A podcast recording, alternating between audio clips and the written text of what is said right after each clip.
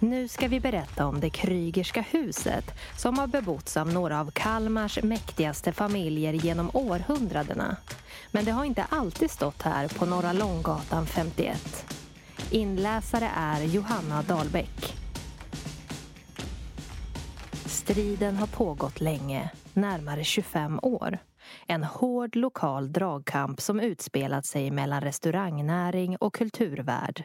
Och nu, år 1967, verkar den äntligen ha fått sitt slut. Eller? Det är en stor utmaning som ligger framför alla som på ett eller annat sätt är engagerade i kampen om det Krygerska huset. För att huset ska få överleva måste det nämligen flyttas till en annan tomt. Och vi pratar alltså om ett flera hundra år gammalt färdigbyggt trähus. 500 ton tungt, 12 meter högt och 10 meter brett. Ungefär en kilometer behöver det otympliga ekipaget rulla från Östra Sjögatan till sin nya plats här på Norra Långgatan. Huset är uppallat på två stora rullar som dras av en långtradare. Hela flytten beräknas ta tre dagar sammanlagt. Första dagen rullas huset ungefär 100 meter bort till Stortorget där det parkeras över natten. Denna färd krävde att tungan hölls rätt i mun.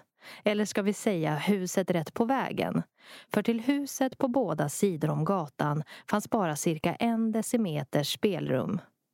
Dagen därpå fortsätter färden mot Norra Långgatan. Kalmarbor samlas runt det stora rullande huset för att bevaka spektaklet. Undrar vad de tycker. Då, för 25 år sedan, när Ösara köpte tomten Östra Sjögatan var planen att riva fastigheten. En gammal förfallen kåk för att bygga ut sitt dåvarande hotell Vitt på tomten bredvid. Det lämnades in rivningstillstånd och de fick nej. Huset på tomten var nämligen mer än bara en förfallen kåk. Det var ju det Krygerska huset med ett troligtvis stort kulturhistoriskt värde. Det byggdes redan 1697 åt den dåvarande borgmästaren i Kalmar. Men det är inte han som har gett huset dess historiska värde. Det kom senare. När huset efter drygt 150 år säljs av en C.A. Palme till en J.A. Kryger. Och ja, det finns anledningar till att du känner igen de namnen. Nämnde Christian Adolf Palme fick nämligen en son som fick en son som fick en son med namnet Olof Palme och han blev statsminister. Här i huset bodde alltså Olof Palmes farfars far och husköparen Johan August Kryger skulle några år efter köpet bli far till konstnären Nils Kryger. Den Krygerska släkten kom till Kalmar från Tyskland i början av 1700-talet då en bagare vid namn Johan Kröger startade upp sin verksamhet här. Och släkten blev både stor och inflytelserik under de 200 följande åren.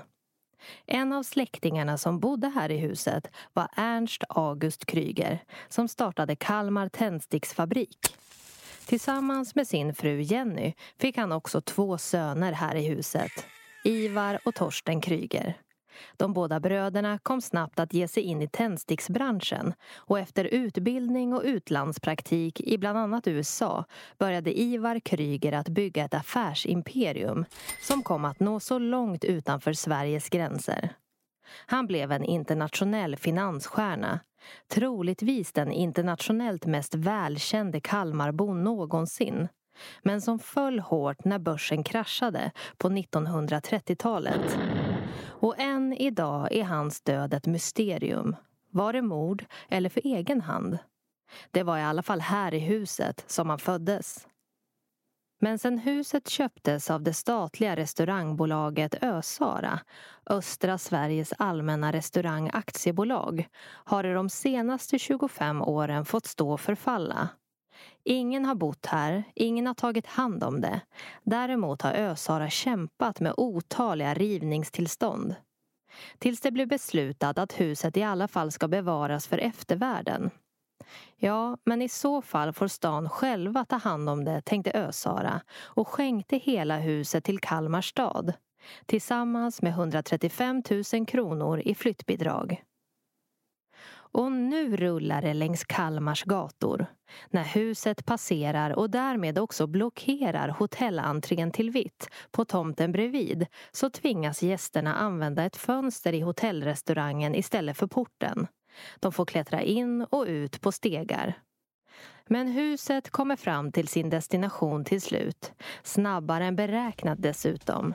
Redan på andra dagen blir flytten klar och nu står det här som om det aldrig har gjort något annat.